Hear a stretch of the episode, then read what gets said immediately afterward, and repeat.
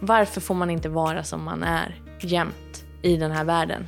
Varför måste jag kamma håret och bete mig? Typ? Mm. Alltså det är inte att vara fri, tycker jag. Tänka så här som det lilla barnet som man har inuti. Mm. Vad skulle det vilja ha nu? Ja men det vill ju ha en cirkus.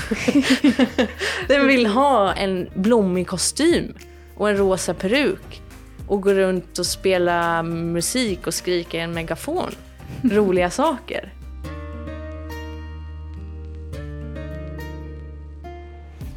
Jag heter Josefin Turesson Kämpe.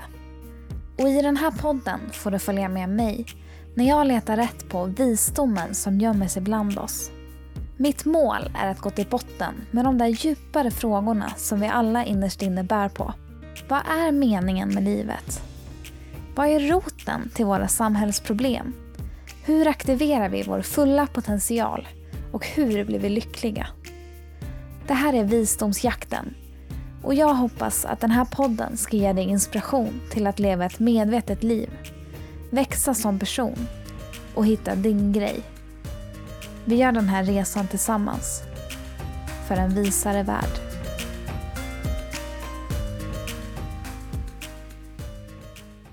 Hej! Nu har det äntligen blivit dags att dela mitt nästa avsnitt med er. Och jag önskar verkligen att jag kunde publicera fler avsnitt i månaden. Men eh, ja, det har varit väldigt mycket annat som har tagit min tid helt enkelt. Men det är värt att vänta på. Och eh, jag planerar också snart att sätta ett fast datum för avsnitten så ni vet lite mer exakt när det kommer ut och så. Så jag jobbar på det. Och så kan jag bara säga också att jag har en massa spännande gäster på gång som jag planerar att träffa här i sommar. Och det känns faktiskt väldigt roligt att ha den här podden och att ni blir fler och fler också som lyssnar. Och eh, tar till er den här kunskapen som mina gäster har. Och idag då så får ni träffa Jekaida Jessica Karlén.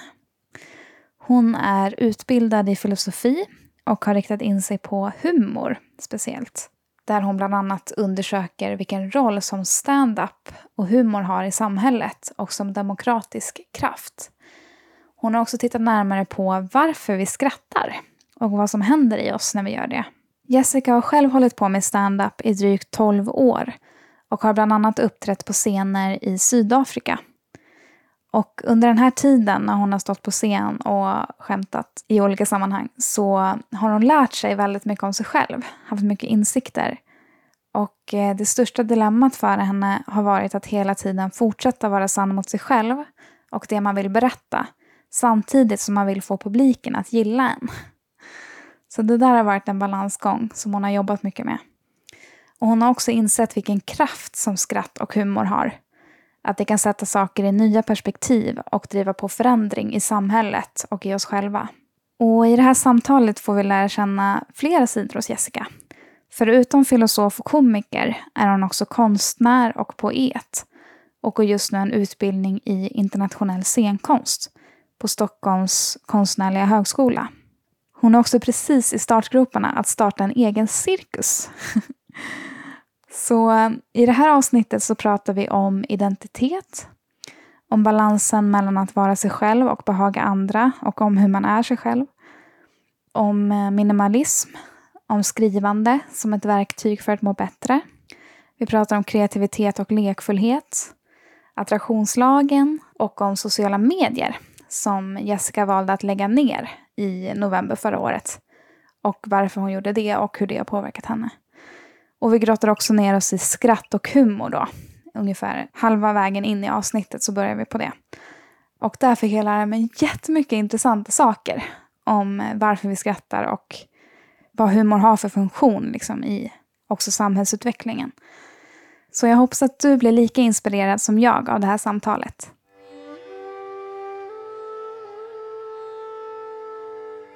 Välkommen till min podcast. Tack så mycket. Hur känns det att vara här? Jo, men nu, jag tycker det känns bra, men nu blir jag ju lite nervös och medveten. Och prestationsinriktad. Ja, att du inte är ensam. Ja. men eh, det behöver du inte känna. Nej. Vi kör igång så ser vi hur det går. Och jag tänkte börja med att fråga, du heter ju Jessica Karlén. Ja. Men på din hemsida står det ett annat namn också. Just det.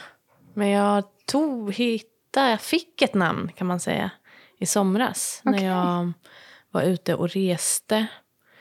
Ehm, nej men jag var lite sugen på att döpa om mig. Och sen så då i somras när jag var ute och reste så tänkte jag men jag ska hitta mitt namn nu.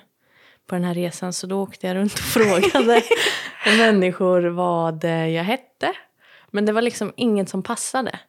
Så hela vägen upp till riksgränsen och tillbaka 600 mil så kom jag tillbaka hem. Och så tänkte jag, ja, men jag ändrar stavningen bara på Jessica. Och så började jag skriva in på Google så, I-E. Eh, och sen var det första som dök upp var Yeshida. Så tryckte jag på Yeshida och sen så läste jag om vad det betydde. Och så var det så här, "Hå! Det här är ju perfekt. Det är det här namnet jag har letat efter. Men gud, vad stod det? Eh, det är hebreiska, så det är ett judiskt namn. Och det handlar om typ enheten i helheten. Så the unique i the unity. Okej. Så ja, Det unika i enheten, eller? Nej. enhet och unik. Alltså det är det det är, men det behöver ju också en helhet för att kunna vara unik. Och det är det unika, men det inbegriper också hela det här andra. På något sätt. Okej, men vad, och vad var det som kände att shit, det här passar mig så bra? Nej men för att jag någonstans hade landat och bara, nej men nu vet jag vem jag är. Okej. Så nu, nu är jag liksom rätt här i universum. Lite så. Ja men på plats. Att okej, något slags medvetenhet också. Men det är en hel story det där. Ja, jag känner det. Alltså det, Men är, ju, ja men om man går in inom eh, judaism och, och kabbalan. Där kan man läsa om vad det betyder. Men har, har du döpt om det till det nu? Eller liksom, Ja. Du har lagt Ja. till det i ditt namn? Ja, men precis. Så på mitt körkort och mitt pass så heter jag Yeshida Jessica Eva Elvira Kalén. Aha, okej. Häftigt. Ja. Och vad är det som gör att du kände att du ville byta namn? Var det som att du ville liksom komma in i den här nya jaget fullt ut? Typ, eller? ja, men det är ju spännande tycker jag att utforska alltså vem man blir. Och också med identitet. Vem blir jag då? Behöver jag ett nytt namn? Eller hur blir jag? Blir jag till genom att göra eller ändrar jag på någonting liksom, materiellt på något sätt? Och sen så tänker jag också på alltså namnet som jag fick. Det gavs ju till mig av mina föräldrar. Det är ju inte jag som har bestämt vad jag ska heta. Och så var det väl så här, men jag får ju faktiskt bestämma vem jag ska vara. Det var en lite kul grej också. Men det här gjorde du alltså i höstas då? Ja, jag gjorde det i höstas. Och sen hade jag en sån namngivningsceremoni på högskolan där jag pluggar på Stockholms konstnärliga högskola. Så mina klasskamrater liksom spelade upp mitt dop. Eller jag sa bara det ska bli ceremoni här i eftermiddag, vi ses, sen ni får fixa. Så då delade jag ut olika roller till dem. Så vi hade en scenograf och jag hade liksom en musikalartist som då spelade mig som huvudrollen. Jaha. Så hade jag en narr. Och så hade jag en eh, jojk. Fick jag. En systerjojk. Som, som tillägnades mig av, eh, av en koreograf och dansare. Och eh, ja, men så hade jag en konstnärlig ledare som fick hålla i ett samtal efteråt. eh, Okej. och även en regissör.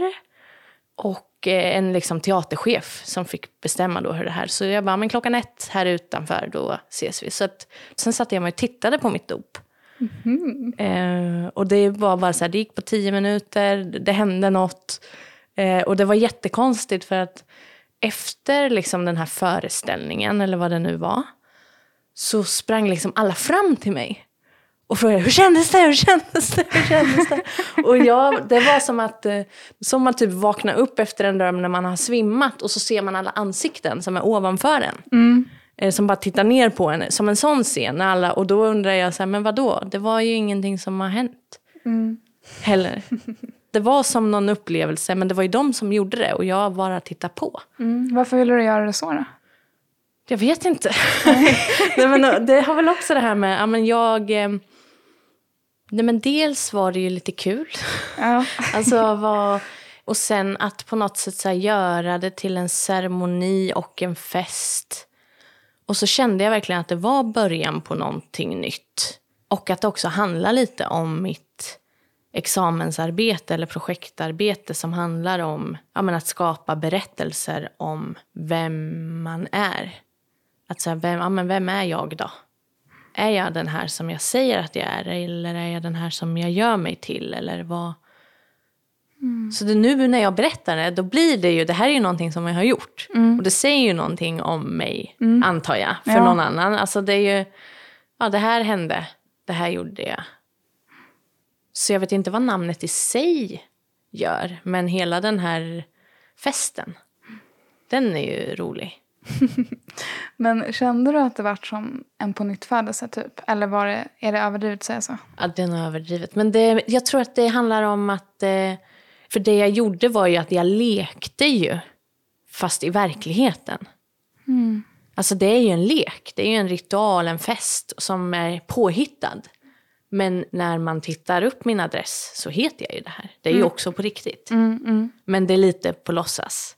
Och det är väl det som är på nyttfödelsen nu då att jag går helt in i att undersöka vad som händer om man faktiskt får tillåta sig att leka och skapa i det offentliga rummet eller i verkligheten eller vad vi nu väljer att kalla livet och världen eller så.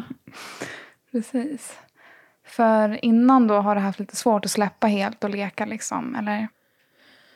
Ja, i alla fall utan ramar eller vad man ska säga. För då, då blir det som att um, nej men så här, vara rädd för att vara helt knäpp. Liksom. Rädd för att tappa fotfästet i verkligheten.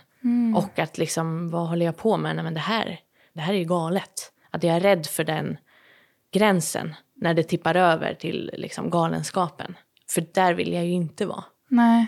Så att hålla liksom, leken på en nivå som är lekfull och utforskande utan att så här, så här är det. Alltså, så fort jag börjar liksom, pusha på min egna lek på andras verklighetslekar då kan det ju, då blir det ju inget bra.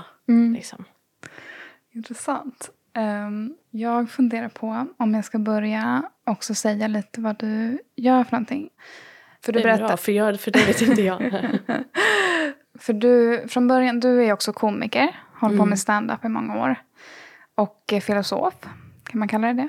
Ja, jag har en kandidatexamen i filosofi. Och där mitt fokus är humor. Eller sk- skrattet eller den här estetiska upplevelsen. Det jag skrev om var ju ja, men skrattet och humor och stand-upen som en eh, demokratisk kraft. Alltså varför den är viktig och varför den finns. Så där, ja, men jag är utbildad i filosofiskt tänkande kan man väl säga. Och så använder jag filosofin på att tänka på världen och skriva om världen. Vad skriver du för typ av anteckningar? Eller? Ja, men nu håller jag på att transkribera ganska mycket. Det är som att jag inte vet vad det blir förrän efteråt. Så det är lite olika projekt. Liksom. En som är mer kanske roman, självbiografisk uppväxt, eh, skildrande. Och någon som är mer poesi, Okej. något. Mm. eh, För när man säger transkribera, menar du då dina tankar och känslor? Eller vad är det du transkriberar? nej, då är det den här eh, dokumentlådan. Dokumentlådan? Den med alla anteckningar genom de senaste Ah, tio åren. Alltså okej. att jag försöker sammanställa det till någonting så att det inte bara ligger där. Mhm. Något också det här i att så här, rensa ut gammalt skit Mm. och kasta det som ligger där och ta plats. Så här, men vad, vad ska det bli av det här? Ska det bara ligga och damma och hålla energi eller ska det bli något? Mm, mm. Och i den processen att transkribera alla de här anteckningarna också kasta mycket. Och det är jättesvårt. Jag vet inte om man får göra det där. Det är så många fram och tillbaka. Ibland så bara, nej, men jag borde inte kasta den här dokumentationen. Det här borde jag ha kvar. Samtidigt som jag känner, varför ska jag ha kvar det här i en låda? Liksom, ska jag titta på det igen om tio år och känna sorg? Ja, precis. Ja, intressant. Jag håller också på ganska mycket och skriver alltså av mig tankar och sånt. Och det känns ju som att det är verkligen en spärr att slänga det. Mm. Fast egentligen man utvecklas ju hela tiden och får insikter samtidigt som man skriver och man kommer ju vidare liksom i sitt liv. Så att, ja. Jo, också läsa det jag har skrivit så inser jag också det här jag håller på med nu, jag höll ju på med det här för tio år sedan också. Men jag visste liksom inte om att det var först nu det skulle komma till användning. Mm. Som häromdagen så ja, men då satte jag med anteckningar från en föreläsning om Descartes och just om vansinne. Mm. Och då hade jag skrivit upp, obs, läs Vansinnets historia av Foucault i en ruta. Och det är just den boken jag sitter med nu. Okay. Och relaterar till mitt arbete. Så att jag har liksom skrivit upp att den finns för tio år sedan men jag kommer inte ihåg det i mitt liksom medvetande att jag har velat läsa den här, att den här boken ens fanns. Utan jag har hittat tillbaka den. Mm. Så att det är som liksom, nu kommer det här tillbaka. Mm. Det är liksom ny förståelse för det jag höll på med då och också så här, oj, nu kan jag se det på det här sättet. Eller att all den här kunskapen som jag går runt med, att den finns inom mig någonstans fast jag inte Ja, den är så omedveten. För det är någonstans, jag har lärt mig det här en gång och det påverkar mitt sätt att tänka. Och det påverkar mitt sätt att se världen. Mm. Och just att det var just den boken också. Ja, och just den här tiden, att det är den papperslappen som dyker upp när jag håller på med mitt examensarbete. Ah. För att jag har ändå hållit på med den här lådan i snart, alltså det är över ett halvår. Snart ett år. Nu är det väl 200 sidor snart. Oj, okay. I alla fall. Jäklar. Och det är så mycket olika tider, dagboksanteckningar från någon deppig resa liksom, mm. till ja, men dikter om naturen och mm. kaos. Och, mm. så.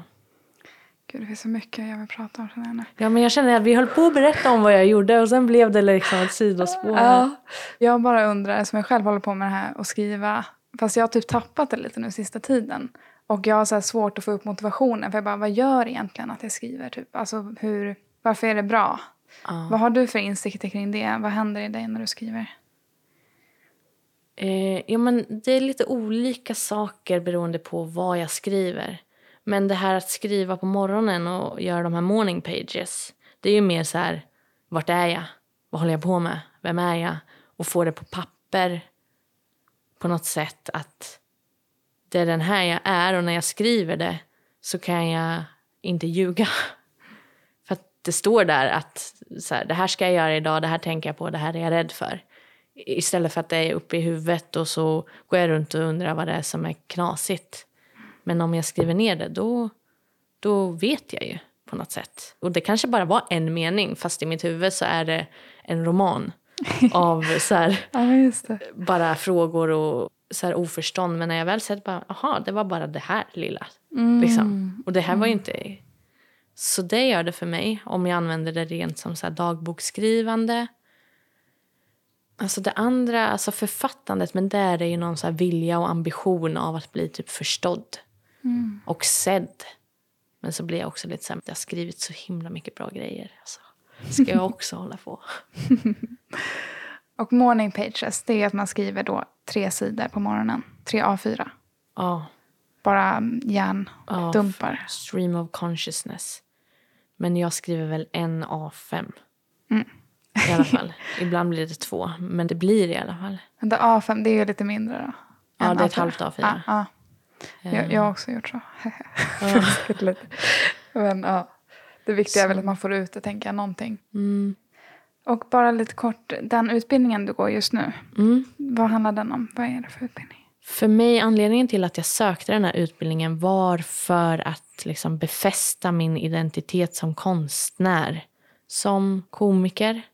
Alltså all min praktiska erfarenhet, 10-15 år på scenen och rest runt i världen och uppträtt på scener runt om har nu liksom begreppsliggjort och sen har jag satt det i den här kontexten av konstnärlig forskning så att jag kan se på det jag gör utifrån ett större perspektiv, att det faktiskt har en plats i världen.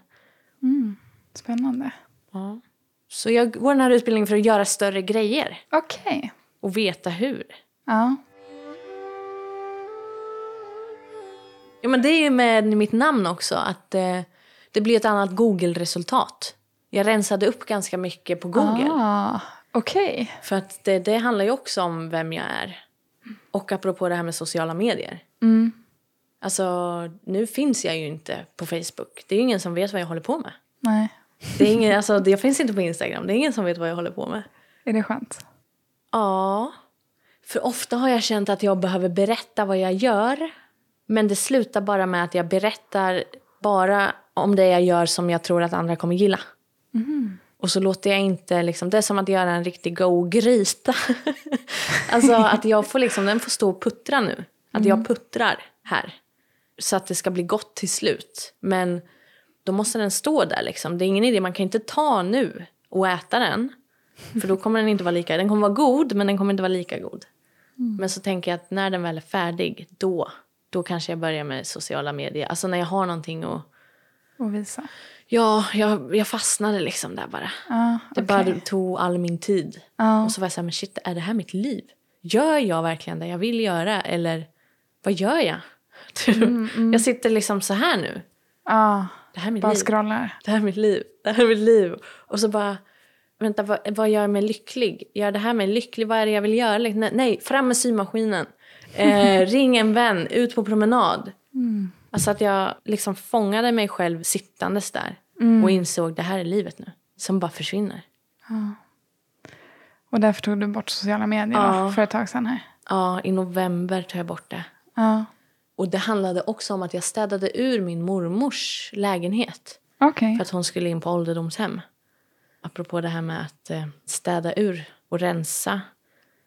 Så när jag liksom var där och städade ur, då var det som att hon hade nog aldrig kastat någonting. Så hennes hem var som... Alltså jag visste inte riktigt vad hon tyckte om, för att hon hade ju sparat allt. Och så skulle jag liksom, vad vill hon ha hem? Vad vill hon ha till sitt nya hem? Liksom. Det var så svårt att veta, för det var allt där. Och sen så hittade jag, du vet, så här gammalt pyssel. Någon gammal stickning. och då var jag så här, men gud, det här är ju jag. Det här är alla mina ofärdiga projekt genom livet. Det här är boken som jag inte har skrivit. De här tygbitarna som jag inte liksom gör någonting med. Som jag tänker att en dag då ska jag göra det här. Att jag såg mig själv liksom i hennes där att det där kommer ju vara jag. Någon kommer städa ur min lägenhet i framtiden och så kommer någon tänka Gud vad sorgligt. alltså gud vad sorgligt att hon har alla de här. För du vet, jag hittar de här, såna här tvålar du vet som man tar med sig från hotell. När man har varit någonstans. Eller tändstickor. Jag hittade min mormors sån låda. Och jag tänkte inte wow vad berest hon är. Utan jag tänkte bara, alltså här ligger de här och är skräp. Apropå vad gör jag med min tid och vem är jag i det här? Vem, vem är det som ska se allt det här? Vad bryr jag mig om, typ? Eh, Så du började fråga dig själv massa frågor om ja, din det var tid. just det här med tiden. Ja. Att just där, jag är ändå 33 fyller jag nu. Så jag har väl två tredjedelar kvar av mitt liv då, ungefär. Och tiden går bara snabbare och snabbare. Och jag har framförallt inte tid att scrolla bort den. Alltså jag, jag har ju massa saker jag vill göra. Liksom. Och jag såg bara tiden försvinna. Och så tänkte jag, nej men gud, jag måste ju göra färdigt de här projekten nu. Alltså när annars? För jag kommer på nya saker jag vill göra hela tiden. Så då lägger jag de där grejerna i en låda och så börjar jag med nästa grej. Istället för att göra färdigt så bara, men jag måste ju göra dem nu. Liksom. Alltså det finns kanske inte sen. Nej, precis. Då sitter jag här i mitt skräp. Ja, Med alla mina anteckningar. precis. Sparade lappar. Med konstiga ord på liksom. Men har du börjat rensa ut själv hemma hos dig eller saker? Ja, men jag tror att det var det jag gjorde också. Sen. Jag gjorde en sån dödsstädning. Eller Ah, vad heter okej. det? Men jag började nog för några år sedan började jag så här med Marie Kondo. Att bara spara saker som sparkle of joy. Jag har provat det här med bara 33 saker också per säsong. Att man får ha 33 saker på tre månader. Man får välja ut 33 plagg. Och då har man dem i tre månader. Allting annat så här, får ner i källarförrådet, liksom, i kartonger. Och det handlar om att också alltså minimera energin jag lägger på att välja på vad jag ska ha på mig. Minimera prylarna, för det är också sånt som tar energi. Och jag vill ju lägga energi på det jag vill göra, det som gör mig glad. Inte på de här sakerna som varje gång jag tar upp ett, en grej ur lådan och tänker åh just det, den här grejen ska jag göra också. Eller åh den här klänningen som jag fick från den här kompisen som jag aldrig har på mig. Att det istället för att bli kopplat till en positiv känsla blir förknippad med en negativ känsla. Och så känner jag bara ångest över alla saker jag inte gör. Eller kläder jag aldrig har på mig. Jag kan ju bara kasta dem istället. Men det här med 33 grejer per säsong. Ja. Det var inte bara plagg då? Inkluderade det alla Nej, det var bara kläder. Det var bara kläder? Okej, det Ja. var, då var det en 33 plagg. Men då Ja. är det inklusive alla strumpor och sånt eller? Nej, det får man ha extra, men jag använder ullstrumpor och de kan man ha på sig skitlänge utan att de luktar. Jag vet inte, har du provat? Uh, Jag rekommenderar, det är nog mitt, det är nog mitt bästa tips i livet. Skaffa, skaffa merino-ullstrumpor. De kostar ju ändå, några, alltså du kanske får lägga någon hundralapp eller två. Men man kan ha dem på sig en hel månad utan att det luktar tårtfis. Okej, ja shit. eh, Ja, Det, det kan man inte tro, men de, det, jag bara säger det. Att det funkar så. Mm. Så bra så här ullplagg som man inte behöver tvätta. Eller som inte luktar illa. Liksom. Mm, nice. Och sen så bara att jag får vara bekväm. Liksom. Men okej, så minus strumporna så skulle det vara 33 plagg. Ja, Och då tröja, byxor, ja, trosor. jacka, skor. Ah, shit. Var det mycket grejer du fick plocka ner då eller? Ja, det är det. Men jag inser ju också att jag använder ju alltid bara samma saker ändå. För jag använder ju bara det jag tycker om att ha på mig. Jag använder ju det som jag tycker är skönt. Plus att under den här pandemin, alltså man behöver ju inte, man behöver inte ha så många ombyten. Liksom. Nej, nej. Okej, ja. Så du är också lite minimalistisk i ditt sätt. Eller försöker i alla fall. Ja, och jag har liksom inget förråd med saker. Nej, utan okej. det är de där tre kartongerna med vinterkläder som står i mitt förråd. Och sen Mm. så finns det inget där, utan det jag äger, det har jag i lägenheten. Annars har du slängt grejer eller? Ja, Ja. för att jag behöver inte dem. Nej. Jag behöver bara en tallrik, en kopp, en Oj, gaffel. det är så pass alltså? Alltså i somras så bodde jag i min van. Mm. Och då behövde jag ju inte mycket saker. Plus att jag var ändå tvungen att diska hela tiden. Eftersom att jag inte ville ha smutsig disk i bilen. Mm. Och sen hade jag väl bara applicerat det hemma också. För att jag, här, men varför ska jag ha så mycket saker? Jag använder det ju ändå inte. Mm. Så du har bara en tallrik hemma? Alltså. Nej, jag hade två faktiskt. Men nu har jag hittat en... eh, Jag fick en servis för ett par veckor sedan av en kompis. För att nu ska jag, har jag köpt en lägenhet. Så nu ska jag skapa ett riktigt hem faktiskt. Och bosätta mig och rota mig på riktigt för första gången i mitt liv. Mm. Och då gick jag och tänkte så här, "Ah, men det skulle vara fint med en sån här blå härlig servis. Svenskt porslin, det skulle jag vilja ha. och sen så ringer min kompis och säger, men jag har en soffa här som jag tänkte kasta och du ska flytta, så här, behöver du? Ja, ja. Och då hade jag precis den dagen gått och tänkt på att jag behövde en gästsäng. Och hur skulle det gå ihop? Vart ska jag ha madrassen? Ska den vara i garderoben? Eller hur ska jag liksom få ihop det här? Mm. Men så kom liksom, svaret levererades och dessutom i den här kompisens källare så är den här blåa servisen där. Som jag får av hans mamma. Men gud. Så ja, jag får vad jag behöver. Ja, ja. Är det din liksom övertygelse att universum hjälper till där på något sätt? Jag är helt säker. Om jag är ärlig mot mig själv med vad jag vill ha. Om det verkligen är det jag vill ha. Okej. Då får jag det. Men om jag hittar på eller tror liksom att jag vill ha något som jag egentligen innerst inne kanske inte behöver eller vill ha, då, då det blir inget bra. Nej. Jag tror ju också på det där lite grann. Att man drar till sig det man sänder ut och sånt. Men ibland har jag fått lite så här tvångstankar. Att tänk om jag råkar tänka så här att någon ska dö eller något. Ja, Men eh, det är ditt fel. ja, det är väl, tror du att det funkar åt andra hållet också? Eller tror du att... Ja, men det tror jag. Alltså, jag tänker ju så här negativa känslor föder ju negativa känslor, negativa tankar, negativa tankar och till slut så bara, alltså då går jag runt så. Och då kan jag ju inte se det som är fint i livet. För att jag är inte på den frekvensen. Jag är på att bara klanka ner på mig själv och bara se mina misstag och alltså, tycka jag är dålig. Och då är det det jag ser också, för jag söker ju bevis för min vision. Men om jag så här byter till tacksamhet och ser på allt fint jag har, då blir det som att jag ser det mer. Alltså det är snarare som att jag övar upp min förmåga att se det bra. Sen att det händer skit ändå, det gör det ju. Och jag tänker väl inte att det man kan väl tänka att det är ens egna fel, men vad var det då jag innerst inne ville? Jag kanske vill vara singel. Det kanske är därför jag träffar de här, de här personerna som inte lever upp till mina förväntningar. Mm. Det kanske är för att jag egentligen vill vara själv. Mm. Jag vet inte. Eller? Ja. Det, jag tänker att det där vet jag nog inte förrän efteråt heller. Nej, precis. Men jag tror ofta att det finns... Jag hoppas väl att det finns en mening. Mm. Med saker som händer? Nej. Ja. Ja, men det är ju en sak. När jag märker att jag önskar mina värsta fiender allt gott. Då blir jag ju fri. Då händer det bra saker. Men när jag önskar mina värsta fiender någonting ont, då får de ofta det jag vill ha. Jaha, okej. Men det här är ju också liksom, det är väl någon självuppfyllande också. Nu har jag planterat den tanken, då kommer jag söka bevis på att det är så. Mm, just det. Ja, precis. Så jag får välja vad jag vill tro på, men också vara beredd på att det kanske inte är så. men eh, vad som funkar för en liksom. Mm, precis. Alltså jag vill ju alltid gå på scenskolan till exempel. Ja. Alltså jag har ju insett nu att jag är ju där nu. Och det här är ju någonting som också bara hände. Skulle jag säga. Alltså helt plötsligt så bara, men jag är ju här nu. Fast det var inte alls så som jag hade tänkt att det skulle vara. Jag hade ju tänkt att jag skulle gå skådespelarutbildning eller någonting. Men jag sitter här i biblioteket och jag pratar med skådespelarstudenterna. Jag är här. I det här sammanhanget som jag alltid har velat vara i.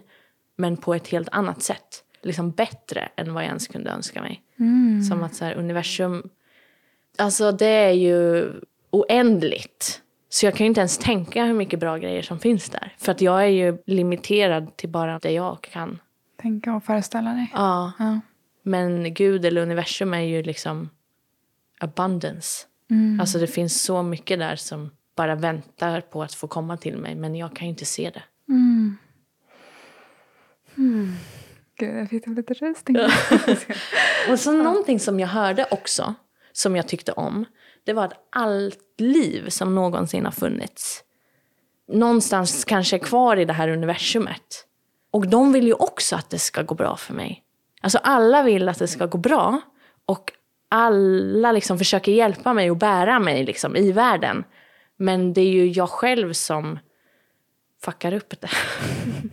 Med min egen vilja. Universum vet vad jag vill ha och vill ge det till mig om jag vågar liksom tillåta det. Mm. Och låta det ske på ett sätt som jag kanske inte vet. Mm, precis. Ja, väldigt spännande. Ehm, jag tänkte att vi skulle spola tillbaka lite. Mm. Ehm, till eh, när du kom på att du skulle bli komiker. Ja, just det. Jag kom på att jag skulle bli komiker precis där i slutet av gymnasiet. Eller jag vet inte ens om jag kom på det själv. Utan det var nog min pappas bästa vän som tyckte att du ska ju köra. För min pappa höll på med stand-up eller bondkomik och liksom har skrivit revyer och jag liksom växte upp där på Folkets hus och stod där och sålde programblad när det var nyårsrevyn. Och Fick vara med där till slut när jag var 12 år gammal. Så fick jag vara med i nyårsrevyn och sådär. Okej. Så jag har alltid tyckt om scenen. Och första gången du eh, ställde dig på en scen och körde stand-up, min, minns du det? Ja, Hur var det? det var på Big Ben i Stockholm. Och jag kom dit, det var ju så open mic style, alltså vem som helst får komma dit. Men då var jag där och sen gick jag upp på scenen. Och sen så gick jag, jag, kom, nej, jag kommer nog inte ihåg så mycket. Nej. Och sen så åkte jag hem till Linköping tror jag. Var sista bussen, så här, Svebuss, två och en halv timme. Liksom. Men det var ju skitstort då. Ett stort steg? Eller? Ja, men och hela den här åka till Stockholm och... Men hur gammal var du då typ? Då var jag ju 18 va? Ja. 19 år. 2008. Mm. Och nu är du 32? Ja. Jag var ju med i en nybörjartävling också. Okej. Men mitt första gig var den här Big Ben och sen provade jag i Kisa en gång tror jag. Och sen så ställde jag upp i den här nybörjartävlingen som heter Bungee Comedy. Och då kom jag ju tvåa i den tävlingen och fick uppträda på Skrattstock. Som var en utomhushumorfestival på Långholmen. Med 4 000 i publiken. Oj. Eller om det var 2 000. Och du har hållit på med det i många år nu. Vad skulle du säga är dina största lärdomar och insikter om dig själv? Jag tror att min stand-up-karriärsväng har varit... Ofta hamnar jag i att jag vill... Ja, men det här jag vill prestera. Och då slutar jag berätta det jag vill berätta. Mm. Och ändra på mig själv för att behaga publiken. Och då slutar det med att jag slutar med stand-up ett tag. Mm. För att jag slutar tycka det är roligt. Men sen börjar jag igen och bara, men just det, det var ju det här jag ville säga. Och så går jag upp på scenen och sen så berättar jag någonting som jag brinner för att berätta och det går igenom liksom. Publiken lyssnar på mig då. Då gillar jag det ju.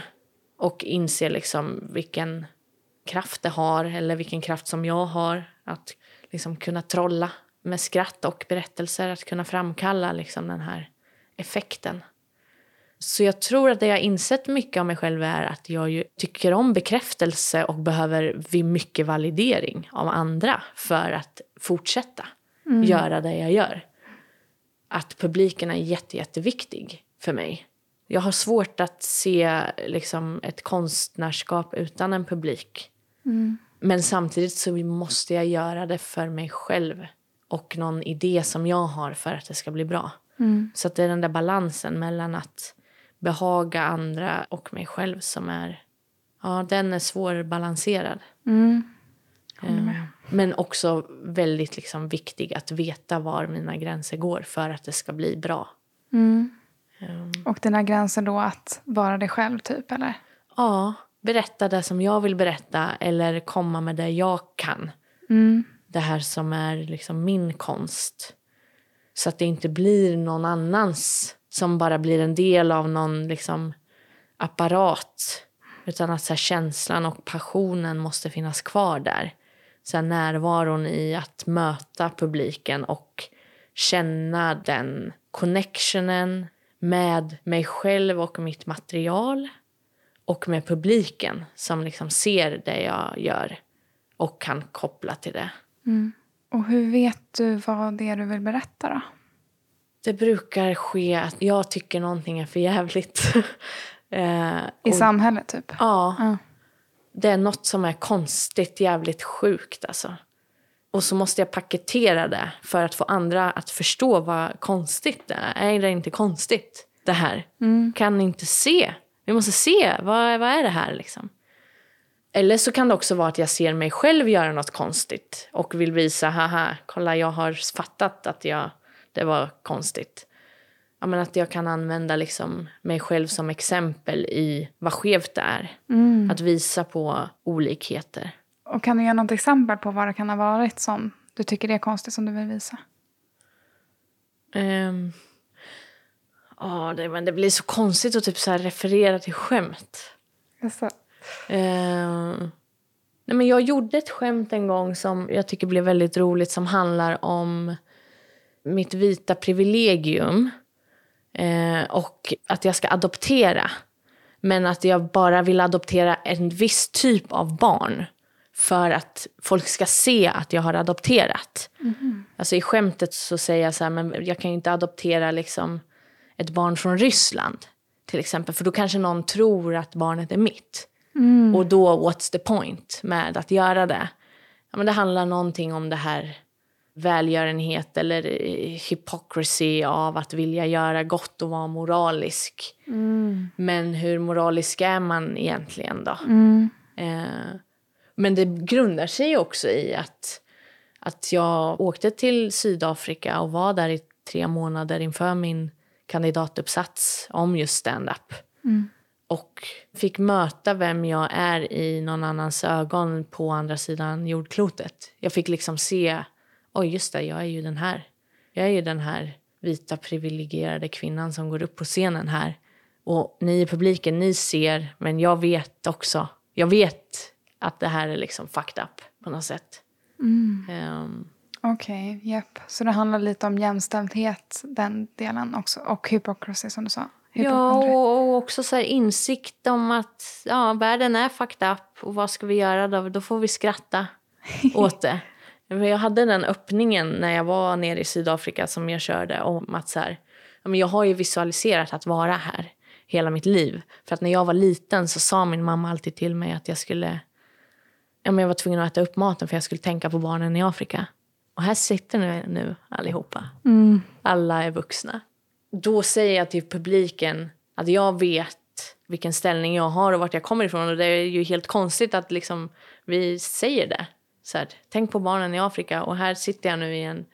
Alltså ni tjänar mer pengar än vad jag gör som liksom komiker. Men ändå så tror vi inte att det ser ut så i världen.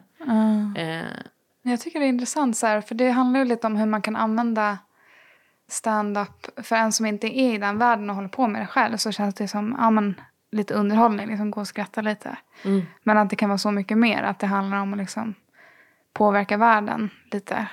Ja, och sen tror jag också att precis som andra skriver en sång om en känsla eller en frustration, eh, någon målar, alltså ett konstuttryck, så är stand-upen ett uttryck, en konst, för att uttrycka någonting. Mm. Och att den är väldigt eh, folklig, kan, jag, kan man väl säga. Alltså den är väldigt demokratisk, den formen. Det sker nere i källare där det inte är något inträde. Du kan sätta dig i publiken i pyjamas. Alltså, alla kan komma till standup-scenen och känna att jag får vara här och ta del av den här. Alltså folk kan till och med börja prata med dem på scenen. Eh, och, och det är ju väldigt demokratiskt. Inkluderande. Ja, så här, vi, måste prata, vi måste prata om det här och man sätter det i någons ansikte. Just det. Jo, men så dels så här, könsroller också, liksom vem jag är. och Stand-upen kan ju vara rent terapeutisk för mig själv. Att kunna så här, skratta åt saker jag har gjort som var dumt. Men också terapeutiskt från ibland den här frustrationen. Vi måste, nu måste vi göra något. Hallå, ser ni inte? Mm. Hallå? Liksom. Och hur gör man det? Ja, men man kan skriva debattartiklar och man kan gå ut och demonstrera. Och så. Eller så kan man bara genom skrattet få någon att skratta åt sig själv och inse att oh shit, det där är ju fucked up. Det där är ju sant. Mm. Jag skulle vilja bara gå in på det här lite kort också. om Vi har pratat lite om det nu, men vad skrattet har för kraft.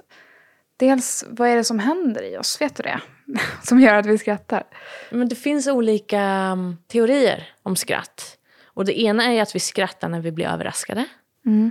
Alltså någonting oväntat händer. Och då är det lite som en chock sån. Så att man bara, och, sen så måste vi liksom skratta för att fylla ut det där tomrummet. Mhm.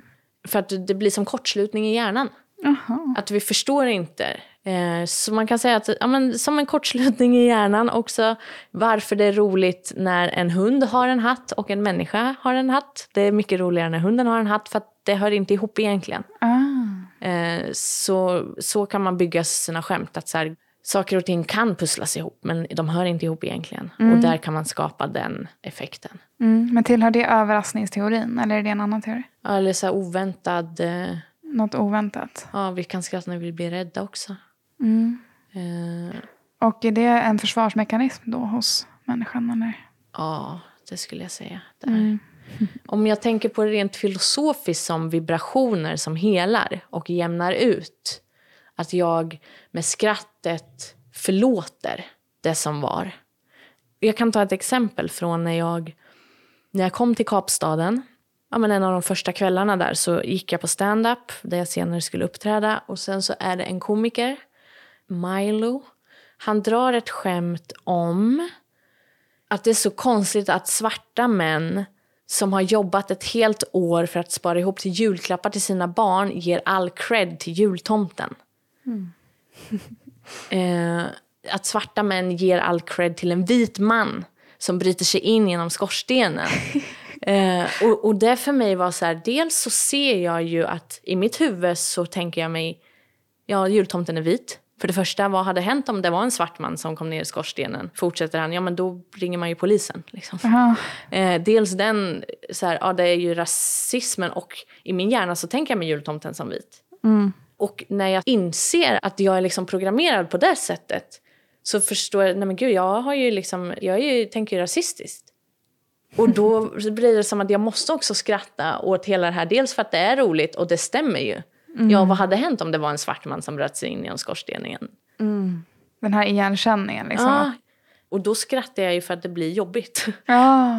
Men samtidigt för att det är sant. Och sen så när jag sitter i det här rummet så det som händer är ju också att jag skrattar för att visa alla andra att jag har förstått. Mm. Vi förstår samma sak här nu. Vi är on the same team. Eh, vi är liksom enade. Det är en sån aha också. Eh, som är som en lyckokänsla av att ha klurat ut något. Ah, Eh, så det är också därför vi kan skratta. okej. Men att varna, det har man väl sett bland djur till exempel. Att vissa har ett skrattande läte för att till exempel varna för fiender som kommer. Mm. Eh, Men det är väl snarare liksom så här biologiskt ljud. Ja, men vad gör vi när vi blir rädda? Ja, Men vi kan ju skrika eller skratta. Liksom. Mm. Men för skrattet känns ju annars som en typisk grej för människan. Det är väl inte så många djur som skrattar, eller? Är det? Nej, utan det är mer ljudet av skratt Ja, som vi kan ja. tro. Vi kan uppfatta det som skratt fast det egentligen är skrik. Nej, Men alltså, jag, skrattet är ju mer, det är närmare gråt än något annat skulle jag säga. Ja, okej. Mm. Just att det är den här, alltså det kroppsliga i att skratta, det är också samma rörelse i gråten. Det här liksom enorma hulken. Mm. Just det. Eh, och att, eh, ja, men det då förlöser. Mm. Andra teorier är att det liksom är en öppning, att vi gör det med munnen, precis som liksom andra öppningar. Eh, och de har liksom heliga anspelningar, men, men ögonen ser liksom, eller det kan vara med analen, att det liksom är någonting som ska ut och renas. Vi spyr. Också det som är kopplat till det kroppsliga Mm. Med just munnen, att det är det djuriska. Alltså skrattet kopplar ihop oss till våra djur.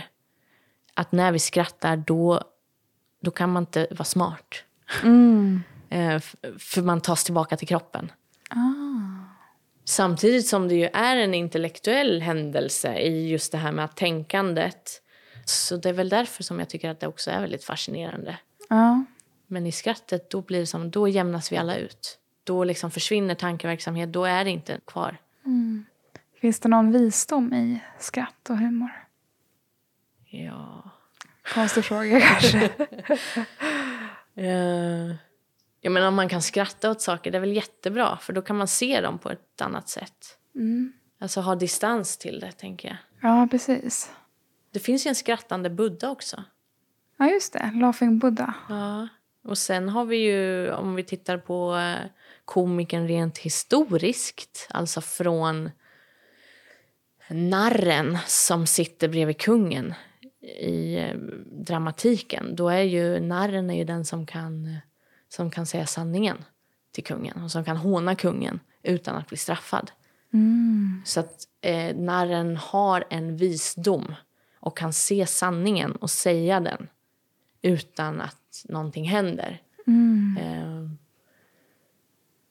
Och eh, ja, men jag tänker hur komiker liksom används i eh, politisk satir till exempel för att prata om samhället, belysa frågor på ett annat sätt. Mm. Precis. Jag tänker också The Fool i en sån tarotkortlek. Jag vet inte om du har koll på den. Men som, nej, men som en som leker träder över gränser Mm. och kan inta olika roller. Att se liksom båda sidor, att vara liksom könlös, att kunna vara allting och ingenting på något sätt. Att, Mm. ehm, Och sen undrar jag också så här, när jag så här skämtar med folk. Det ibland kan det kännas så här, ah, gick jag för långt nu eller inte? Den så här gränsen, att gå för långt. Vad tänker du kring det? Ja, alltså det är också så roligt för jag tycker att jag får skämta hur som helst men om någon skämtar med mig då, då kan jag typ inte fatta det ibland. Alltså jag kan inte förstå ironi och sånt. Mm. Eller så tycker jag bara inte det är roligt. Och det är väl det som är grejen. Att alltså om någon skrattar då är det ju lugnt. Och om man går för långt, ja men då, det kan man göra liksom. Men det är ju ett sätt att testa var gränsen går. Ja. Så här, ja, men vad, eller har vi en gemensam...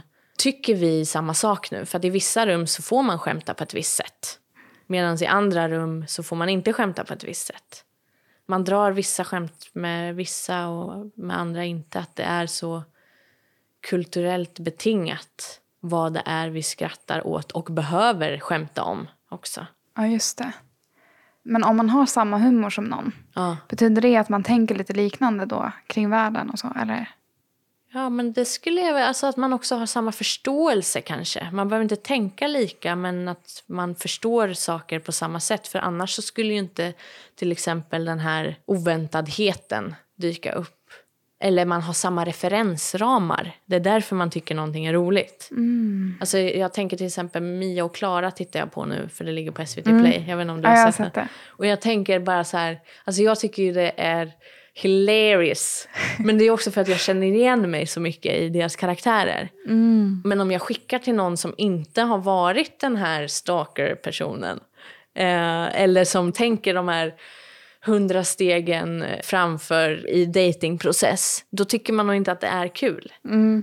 Eh, så där tänker jag, har man samma referenser då tycker man ofta samma saker är roligt. Mm. Men det behöver ju inte betyda att man är helt olika bara för att man inte skrattar. Nej, okej. Eller att man inte skulle funka ihop heller.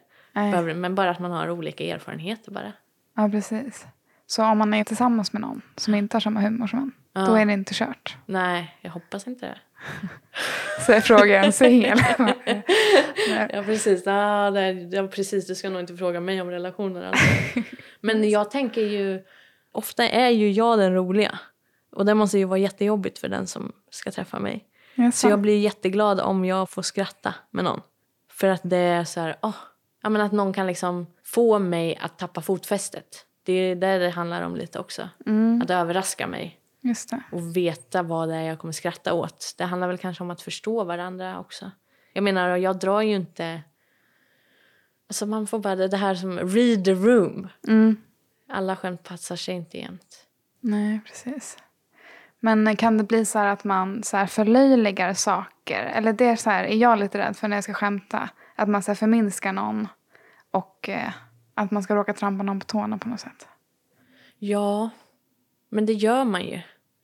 För att, eller jag tänker också att... Eh, som till exempel det här skämtet jag pratar om, att jag ska adoptera ett ryskt barn istället. Alltså då har jag redan, nu säger jag ryskt barn, vad tolkar någon annan in i det begreppet då?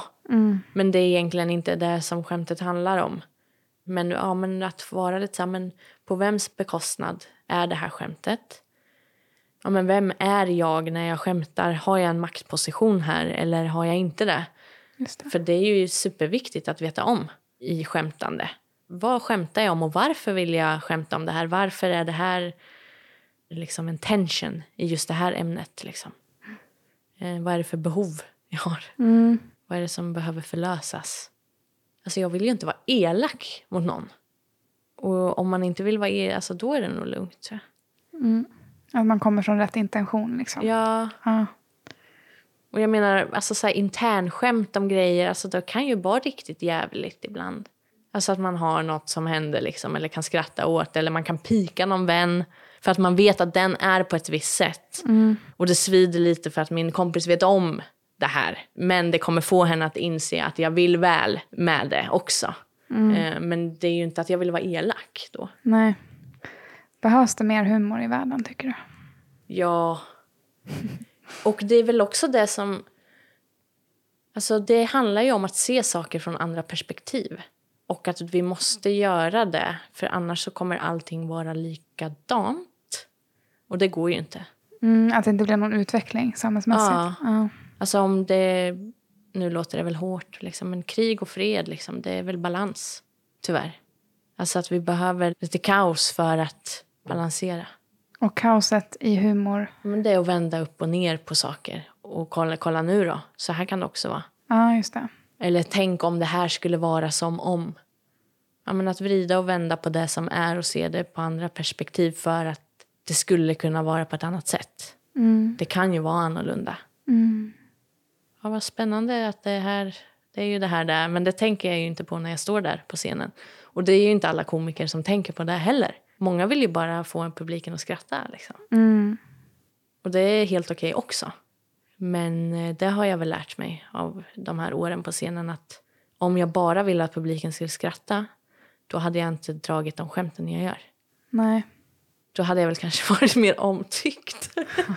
Anpassat det lite mer. Ja, och kanske tjänat mitt levebröd på bara liksom det. Mm. Alltså för att själva skämtskapandet, det är ju ett hantverk som går att lära sig. Liksom. Sen vad man, vad man vill med sin stand-up och med den konstformen, det är ju så olika för varje komiker. tänker jag. Ja, precis. Har vi pratat om allt vi vill prata om? Nej. Men eh, vi har kommit in på det på helt andra sätt än jag trodde. Så det är liksom... Ehm, jag vet att när vi har pratat förut så har du sagt att du har blivit lite som en eh, clown. Att du har gått in i den rollen. Och att det ibland har blivit lite negativt att du gör det till och så. Är det så? Nej, det där Nej, sista vill jag nog inte vara Men det var jättebra att du tog upp det. För nu kommer vi tillbaka till Yeshida. För det är ju clownen Yeshida. Är är hon också clown? Eller Ja, vad? alltså det är ju den som har blivit nu. Mm. Det är den som har kommit fram i hela det här utforskandet. Okej, okej. Och det är ju att verkligen gå all in som komiker. För nu ska jag ut och demonstrera på riktigt. Okej. För ja, men att nu är det konstiga grejer här. Varför får man inte vara som man är jämt i den här världen? I det offentliga rummet? Varför måste jag liksom kamma håret och bete mig? Typ. Lite så. Alltså det är inte att vara fri, tycker jag. Det är inte att eh, leva ett härligt liv. Det känns inte okej. Att torgen är till för konsumtion, inte för samtal mellan medborgare. Utan jag, måste, jag får inte vara på ett torg och sitta hur som helst eller se ut hur som helst. Eller eh, liksom demonstrera hur som helst. Och där tänker jag att clownen, där kan clownen ta plats och göra det. Och visa liksom vägen för ja, men lek på något sätt i verkligheten. Alltså, vad håller vi på med? vad håller vi på med egentligen? Vi går runt och hälsar inte på varandra, tittar ner i våra telefoner och stör oss på folk som låter för mycket och är lite konstiga Ja. och prata skit om dem. Det är liksom straffet. Och så går jag runt och skäms för att jag är lite tokig. ja, precis. Så det blir som någon internaliserad kontroll av att vara som alla andra. Och det dödar ju liksom kreativiteten och möjligheten att utveckla. Jag tänker att det är liksom människans roll att skapa och växa och bli och muteras. Precis som liksom naturen. Alltså att vi kommer från naturen och så bara fortsätter vi naturen genom att skapa vidare. Liksom. Och det är ju inte bra om man inte får skapa då. Den här tanken om att det är så det är, alltså med skapandet och kreativiteten. Var har du fått det ifrån och vad tänker du kring det? Jag tänker att det kan nog komma dels från, ja, men dels från the artist way. Det här med att jag är skapad av någonting. Och min uppgift här på jorden är att skapa. Alltså jag ska fortsätta kreationen på något sätt. Och inte döma det jag skapar heller. Utan skapa från en plats av passion och kärlek. För då kommer det bli bra. Jag tänker att den kommer därifrån. Och sen att det är ett mänskligt språk. Att skapandet är vår kultur som är en del av vår natur. Det ligger i min natur att skapa. Och det måste jag göra som mänsklig varelse för annars, det är precis som att jag liksom andas. Det är en del av hela metabolismen. Det är det vi gör här på jorden. Liksom. Och att det kan se väldigt olika ut bara. Ja. Och det blir jättekonstigt om konst censureras. Eh, om vissa uttryck inte får ta plats. Om barn inte får lära sig alltså hålla i en pensel. Eller läsa böcker, eller skriva, eller sjunga, eller dansa. Eller om de uttrycken inte finns, då dör vi. Ja. För det är liksom vårt liv. Och ehm, du pratar om liksom hur, att det är så knäppt allting, hur vi lever. Och att det är så ofritt liksom, egentligen när man tänker efter. Vad skulle alternativet vara? Vad ser du för värld? Ja, men jag ser en värld där vi får testa mer. Och att det inte behöver liksom... Ja, nu testar jag det här, men det kanske inte blev så bra. Nej, men då blev det inte så bra då. Då gör jag någonting annat. Och att inte vara så rädd för att visa det. Och också bli bättre på att typ ta emot varandra sen när vi visar upp det vi vill göra. Alltså om någon sjunger något så, så här, ta emot och så här, inte döma bra och dåligt utan bara det är. Och också kanske då koppla det alltså, till mig själv och det här med prestationen. Ja, men varför då? Ja men just det, det kanske inte är för slutresultatet eller för målet eller vad det ska bli eller viktigheten av det utan det handlar om verksamheten, att göra det skapar en känsla som är positiv. Och om jag har en positiv känsla då, det är ju härligt. Mm. Och om fler kan ha positiva känslor och må bra och våga göra det de mår bra av. Det är en så här utopisk värld men jag tror att vi blir lyckligare då. Mm. Men för min del så dömer jag ju mig själv ofta innan jag ens har börjat göra någonting. Ja, Och då provar jag inte ens och då händer ju ingenting. nej. Jag kommer ju inte vidare. För att jag lär mig ju inte något. Så det är bättre att bara kasta sig ut och köra och så blir det fel och så får man lära sig något av det. Ja, för det är ju så, jag tänker att det är så det funkar i naturen också. Ja. De som anpassar sig och formas efter världen. Men vi måste ju fortsätta forma då. Men hur ska vi kunna göra det om vi inte vågar liksom sticka ut en arm? sticka ut hakan lite längre. Det kanske är det, det är inte nya evolutionen. Vi kommer bli helt plattansi för ingen sticker ut hakan. nu Ja, blir det skämt här. Men, och där kommer ju skrattet in också som en positiv känsla-grej. Alltså om man skrattar mycket, då känns det som att man mår bättre. Eller? Ja, det blir ju lättare då, tänker jag. Då kommer man ju tillbaka till kroppen. Ja, men känsla, vad känns bra? Det här bliss och eh, liksom närvaro. Att det är den känslan som ju, om den kan vara grunden till någonting. Inte det här tänkandet, ja, men vad, när, hur, hur mycket. Ah, alltså då, då är det som att det bara förstör allt. Ja. Så komma tillbaka lite till närvaro och till kroppen Ja. är ett tips, eller? Ja, och för då kan, om jag kan känna mina känslor så kommer känslorna ge mig information om vad som är viktigt. Mm. Och om jag kan tolka den informationen för att vara så här, oj, vänta, nu kändes det något här. Det betyder att det där var bra. Det där tyckte jag om. Mer av det. Det är rätt för mig. Jag mår bra av det. Eh, att koppla på och så här, oj, nej, men den där människan kändes inte bra. Vi jobbar inte, det är något som skaver här. Ja, men då kanske jag inte ska jobba tillsammans med den för vi har, det passar inte bara. Mm. Då kanske det finns någon annan människa av alla på jorden som jag kan jobba med där det inte skaver på samma sätt. Sen att det är bra att utvecklas och utmanas men jag tror att det, det ska nog inte vara så jobbigt alltjämt. Liksom. Nej. Mm. Sen undrar jag också, hur är man sig själv? Oj. Ja, det vet jag inte. Okej. Nej, men jag tror på just det där. Att känna så här, ja, vänta nu kände jag något här. Då måste jag också uttrycka det behovet. Uttrycka sina behov. Att vara ärlig med det och sen så får man väl hoppas att ingen blir arg på en. Men det är väl också att folk kommer bli arg på en. För att alla vill olika saker.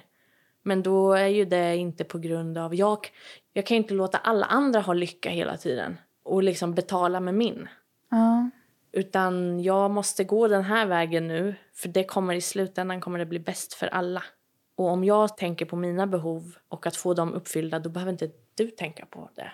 Ja. Utan då kan du tänka på dina behov och så länge du uttrycker dem för mig, då vet jag. ja, precis. Att alla tar sitt eget ansvar över sina behov. Ja. Liksom.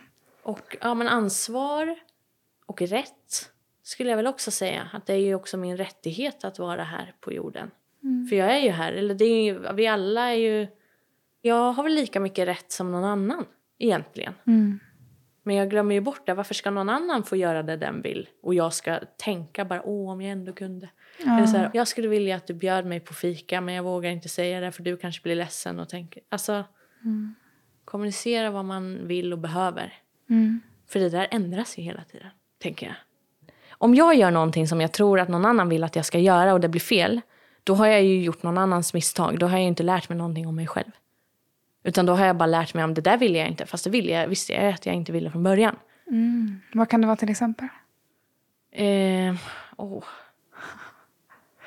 Men det kan vara något att testa, bara något. En kompis ringer mig och säger, oh, men ska vi inte prova att göra den här kursen i lerduveskytte? Mm. Och så är jag så här, Ja, fast jag hade egentligen tänkt att sitta och skriva här nu i en hel vecka. Men jag vill ändå vara med min kompis. Men jag gör det för att det blir kul. Istället för att göra det där som jag egentligen ville göra. Ah. Men så kanske jag kan kommunicera och säga men du jag vill jättegärna vara med dig men jag kan inte nu. Mm. Ler du skit, det låter skittråkigt men det behöver jag inte säga. Men eh, mer att, för att jag kommer ju bara vara sur Ja. annars. Och så visste jag att jag inte tyckte, eller jag kanske kommer jag tycka det är kul ändå. Jag vet. Mm. ja, men jag fattar. Okej. Men Men följa sin egna liksom, passion. Stick to your inner compass och inner voice. För då kommer man må bra och då kan man vara med andra. Då är det roligare att umgås med andra också kanske. Och roligare för dem man umgås med. Ja, och sen så att ge det till sig själv. Att så här, det här jag vill, det är viktigt. Då får jag ge det till mig själv för jag är viktig.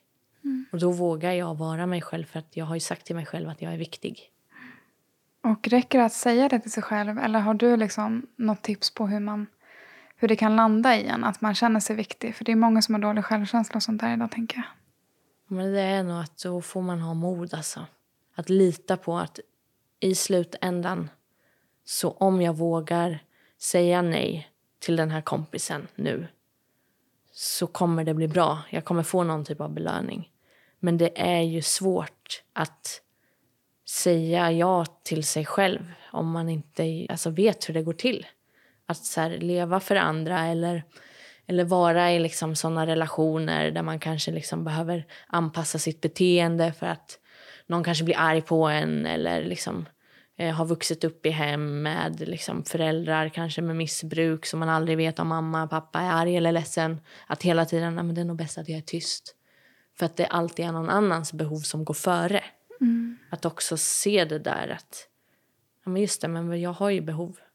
Och sen ja, men gå emot den där känslan i början. För det känns ju skitjobbigt. Alltså jag har jättemycket skam och skuldkänslor efter jag har tagit beslut för mig själv Ja. och sagt nej, jag vill inte det. Så kan jag liksom nästan behöva, alltså det känns som att jag behöver ursäkta mig till andra för att jag gör det jag vill. För att det ligger liksom i mig så hårt att säga nej men jag, inte, nej men inte jag först liksom. ja. Det jag vill är inte viktigt. Jag känner igen det jättemycket. Ja. Och veta att den här skulden och skammen, den är, liksom, den är felprogrammerad. Mm. Den ska inte vara där. Jag gör något jättebra som tar hand om mig själv och ger mig själv liksom kärlek. Och... Men tänka så här som det lilla barnet som man har inuti. Vad skulle det vilja ha nu? Ja, men det vill ju ha en cirkus. Den vill ha, mitt inre barn vill ha en blommig kostym och en rosa peruk och gå runt och spela musik och skrika i en megafon. Roliga saker. Ja. Nu är jag ju vuxen och kan ge det till mig själv. Och så här, ja men vi kan väl göra det där då, fem minuter. Precis. Och världen skulle ju vara mycket roligare om folk bara släppte loss och gjorde de där grejerna. Ja, vad är det som kan hända? Det är ju det att någon tittar lite på en. Det är ju läskigt liksom att bli utstött ur flocken. Ja. Men det kanske bara handlar om att man ska hitta sin flock. ja, där tror jag du sa något. Hitta sitt rum liksom. Eller skapa en egen värld. Och bjuda in andra till den världen som också vill vara där. Om den inte redan finns. Jag ska bli borgmästare. ja, precis. Då blir det den. Det, det var the big surprise som vi skulle avslöja här i slutet. Grunden till alla krig. Liksom. Någon som ska skapa ett samhälle som blir mycket, mycket Ja, bättre just än alla andra. Ja, exakt. Mm. Så man får vara lite försiktig när man skapar sin egen värld. Eller? Ja. Men jag tänker att det är också en del av naturen. Att tyvärr. saker skiter sig, eller? Ja, men att så här, det blir motstånd och precis som jag sa det här med krig, fri- alltså den del av naturen, precis som jag skapar mig själv och skapar min värld så hamnar jag i att jag kommer möta någon annan som också har skapat sin värld och vi tycker olika. Mm. Och det är också en del av allt. Och så kan vi väl skratta åt det då. Precis. Hur känner du dig? Som att jag pratar på här bara. Ja, det gör du. Så ja, man kan andas ordentligt. Ja, men några mer tips då? Ja, det sista då. Eh, de som lyssnar på det här, som vill utveckla sig själva, hitta lycka och hitta sin grej här i världen. Har du något tips till dem eller så här, saker som du själv har insett kring de här sakerna som du tycker de ska ta med sig från det här samtalet idag? Ja, men hitta trygga rum för det. Alltså hitta människor som också tycker om att göra de sakerna. Som du själv tycker? Ja. Alltså precis, om jag vill... Som nu är jag väldigt mycket inne på det här med fantasi och verklighet och skapa världar. Och utifrån ett filosofiskt perspektiv. Och när jag börjar prata med vissa människor om verklighet och drömmar och fantasi. Jag kan inte göra det. För då kommer jag möta motstånd och oförståelse. Men sen visar det sig att det finns rum där det finns såna här andra supernördar som tycker om att diskutera just de här sakerna, som har läst samma böcker och som tänker på samma sätt som jag. Och då kan vi tillsammans prata om det och jag känner mig inte konstig där. Utan då är det så här, oj, men det jag nyss sa som någon annan bara tycker är helt uppåt väggarna, vadå, vad menar du, ska bygga en cirkus, ska du, varför har du de där konstiga kläderna? Alltså, det blir i det här rummet uppskattat. Så jag tänker att hitta det, och det finns ju överallt idag på alltså internet att hitta communities med likasinnade ja, men diskussionsgrupper eller starta en egen studiecirkel om man vill göra någonting och utforska någonting så kan man göra det. Om det inte redan finns så gör det själv. För just det är ju också det här, det är ju min rättighet och min skyldighet. I alla fall i det här landet. Alltså det är min demokratiska rättighet, skyldighet att, att göra det. Och det är ingen annans ansvar, utan det är mitt. Att göra vad? Vad som helst. vad? Men eh, att, att ta för mig av, av eh, samhället. Mm. För att den här världen är ju min, eller den är vår. Och det är upp till oss att så här, hur vill vi ha det då? Det är faktiskt mitt ansvar. Det är ingen annan som kommer ge en möjlighet till mig. Alltså jag kan inte sitta och vänta. Alltså det är väl det jag har väntat fram till nu. Och tänkt att så här, nej men jag inte ska väl jag eller det kommer så. Alltså, den här pusselbiten som ska falla på plats. Alltså, jag kanske inte ens har ett pussel än. utan då måste jag liksom hitta det pusslet. Det är ingenting som är färdigt utan det gäller att försöka hitta och, och bara fortsätta, fortsätta, fortsätta. Liksom. Om det är något man vill så är det bara att fortsätta. Och folk kommer... Nu känns det som att jag säger så där som alla säger. Alltså det här med att man måste tro på sig själv och sånt. För det har jag ju aldrig gjort. Men det är väl där jag kommer till nu. Men det tar sin tid liksom. Det tar sin tid. Jag måste liksom prata med människor, läsa de här böckerna och skaffa mig kunskap. Vara nyfiken, fråga de som har gått före. Hur gjorde du? Hur gjorde du när du startade din egna teater? Jag ringde till Micke Lindgren som är en av ägarna på Skala teatern. Och jag ringde honom för typ tio år, åtta år sedan och frågade hur började du? Ah. Och så berättade han om hur de hade börjat där i någon källare eller vad det var. Och, ja, men jag frågar folk som gör det jag vill göra hur de gjorde. Ah. Och sen våga vara dålig. Våga vara riktigt dålig på någonting. För att det, till slut så kommer man ju bli bra på det. Mm. Jag vill ju sjunga. Och då började jag ta med min ukulele upp på scenen. Eh, för typ, är det tre år sedan nu? Tre, fyra år sedan. Och jag kunde inte spela några instrument. Men jag började för att jag ville. Och nu har jag ju liksom, hemma har jag ett munspel, jag har en gitarr, jag har en ukulele, jag har en keyboard. Jag kan producera musik på datorn. För att jag eh, har lärt mig det. Och förmågan att lära sig har alla. Det gäller bara att veta om det. Det är som att lära sig ett nytt språk. Liksom. Man måste knäcka koden och till slut så går det bara så snabbt att lära sig vad som helst. Om man bara liksom vill något. Skitbra Jessica. Vi kanske ska sätta punkt där då. Vi skulle kunna prata länge känns det som. Har jag fått vara en vis tant här nu? Ja, det tycker jag. Fast det är inte tant. 32 är väl lugnt. Ja. Okej, men tack så jättemycket Jessica. Men Är det ja, nu, sista? jag känner mig som Oj. en kliché. Jaha. Men det gör inget. Det kan vara det. För att, varför känner du som en kliché? Nej, men komma med såna här tips som man alltid har hört. Liksom. Ja. Det, så- alltså, det känns ju som att, men finns det inget liksom, du vet, magiskt trick? Mm. Nej, det finns inget. Nej. Det beror på hur man tolkar det när någon säger det. Alltså om någon har sagt så här, var det själv förut. Och sen är man inte alls på den platsen där man fattar vad det betyder. Nej, Men att det egentligen kanske bara är några få ord man behöver höra. Och så kanske det trillar ner sen om några år. Så. Jo, men ett till tips då. Mm. När jag inte vågar någonting, då ber jag till någonting. nu hjälp mig att våga göra det som är rätt. För jag vågar inte själv. Då ber jag ut till, till evigheten. Mm. Till alla som har gått före och alla som någonsin kommer och alla krafter som finns och hela universum och Gud och alla. Och nu, visa mig liksom. Hjälp mig. Skitbra tips. Tack så jättemycket Jessica. Tack så mycket. Du har lyssnat på Visdomsjakten med mig Josefin. Mer info om Jessica hittar du på funnyswedishgirl.com. Och nästa gång så träffar jag Magnus Ekenhjärta som bor året runt ute i sin yurt i en ekoby utanför Stockholm. Och en yurt är som ett runt stort tält fast mer stabilt och ibland har det en kamin i mitten. Så jag är nyfiken på hur det är att bo ute i naturen permanent och vad det har väckt för någonting i honom och hur han har utvecklats som person av det. Och även lite hur det funkar rent praktiskt. Jag vill också bara flagga för att i slutet på maj så åker jag på en 10 dagars yoga och meditationsretreat. Där vi inte får ha varken teknik av något slag eller kontakt med omvärlden. Så där kommer det bli ett lite kortare uppehåll innan avsnittet med Magnus släpps. Tills dess får ni ha det skitbra så hörs vi snart.